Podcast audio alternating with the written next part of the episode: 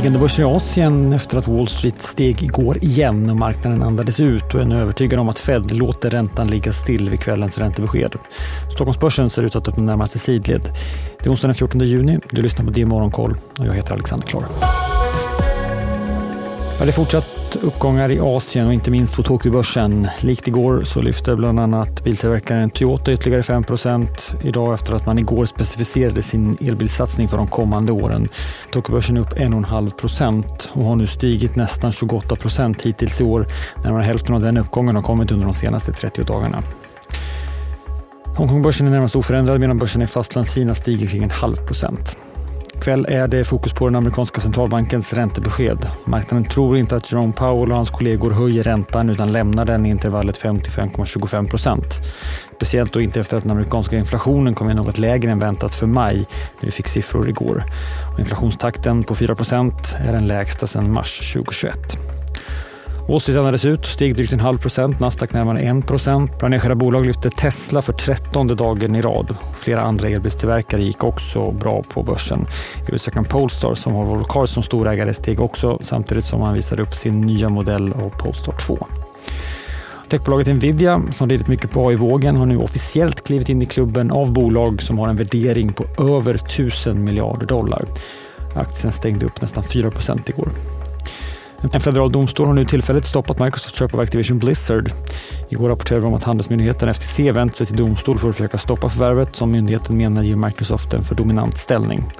Domare har nu tillfälligt stoppat köpet medan rätten tar ställning. Även ex-presidenten Donald Trump har varit i rätten och bemött brottsmisstankarna mot honom. Trump nekar till brott. Huvudförhandlingarna i målet, som alltså handlar om att Trump undanhållit hemligstämplade dokument, väntas inte starta för om ett år. Sverige står först om Boliden och den brand som drabbade anläggningen i Skelleftehamn igår. Boliden tror att ebit-resultatet för andra kvartalet kommer tyngas med 700 miljoner kronor på grund av stoppet på Rönnskär. Varje vecka som hela produktionen är stoppad belastas resultatet med 85 miljoner kronor, säger bolaget. Samtidigt så meddelade Boliden att man just nu också ser lägre halter i flera gruvor, men även det påverkar resultatet för andra kvartalet. Riskkapitalbolaget EQT överväger att sälja danska Sitecore i en affär som kan vara värd över 20 miljarder kronor för EQT, det här skriver Bloomberg.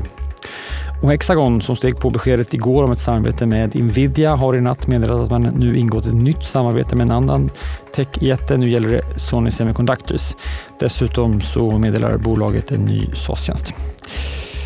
Idag får vi svensk inflation som blir viktig för Riksbankens kommande besked. Inflationen väntas komma ner. Drömmen är att vi går under 10% ner till 9,4% enligt förhandstipset. Mätt som KPIF väntas inflationstakten sjunka till 6,6% från 7,6 senast. Och KPIF exklusive energi väntas också sjunka men till en högre nivå. Vi fick precis finsk inflation också. Den föll tillbaka i maj ner till 6,8% i årstakt från tidigare 7,9. I övrigt idag också brittisk BNP. handlar om april som väntas visa på en svag tillväxt. Så får vi också siffror över landets industriproduktion som väntas minska. Huvudnumret är ju amerikanskt räntebesked klockan åtta ikväll, halv nio. Fed-chefen Jerome Powells pressträff. Vi sänder den givetvis i DTV. Vi sänder också givetvis Börsmorgon med start kvart i nio eller lyssna på programmet som podd från klockan elva. Det är Morgonkoll. är tillbaka igen i morgon bitti. Vi hörs då. Jag heter Alexander Klar.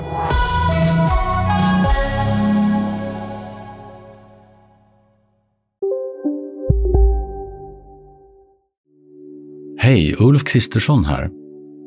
På många sätt är det en mörk tid vi lever i.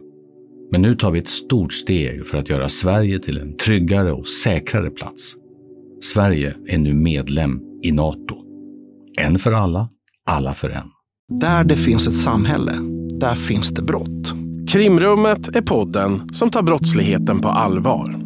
Jag bjuder in landets ledande experter och tar upp aktuella rättegångsfall för att begripliggöra den kriminalitet som kryper allt närmare. Du, alltså, du kan knäcka ett eller några gäng, men det kommer komma nya och så kan vi knäcka dem sen. Men att du ska knäcka allt forever, det kommer aldrig ske. Det är infinite gain. Lyssna på Krimrummet, en podd från Expressen med mig Kim Malmgren.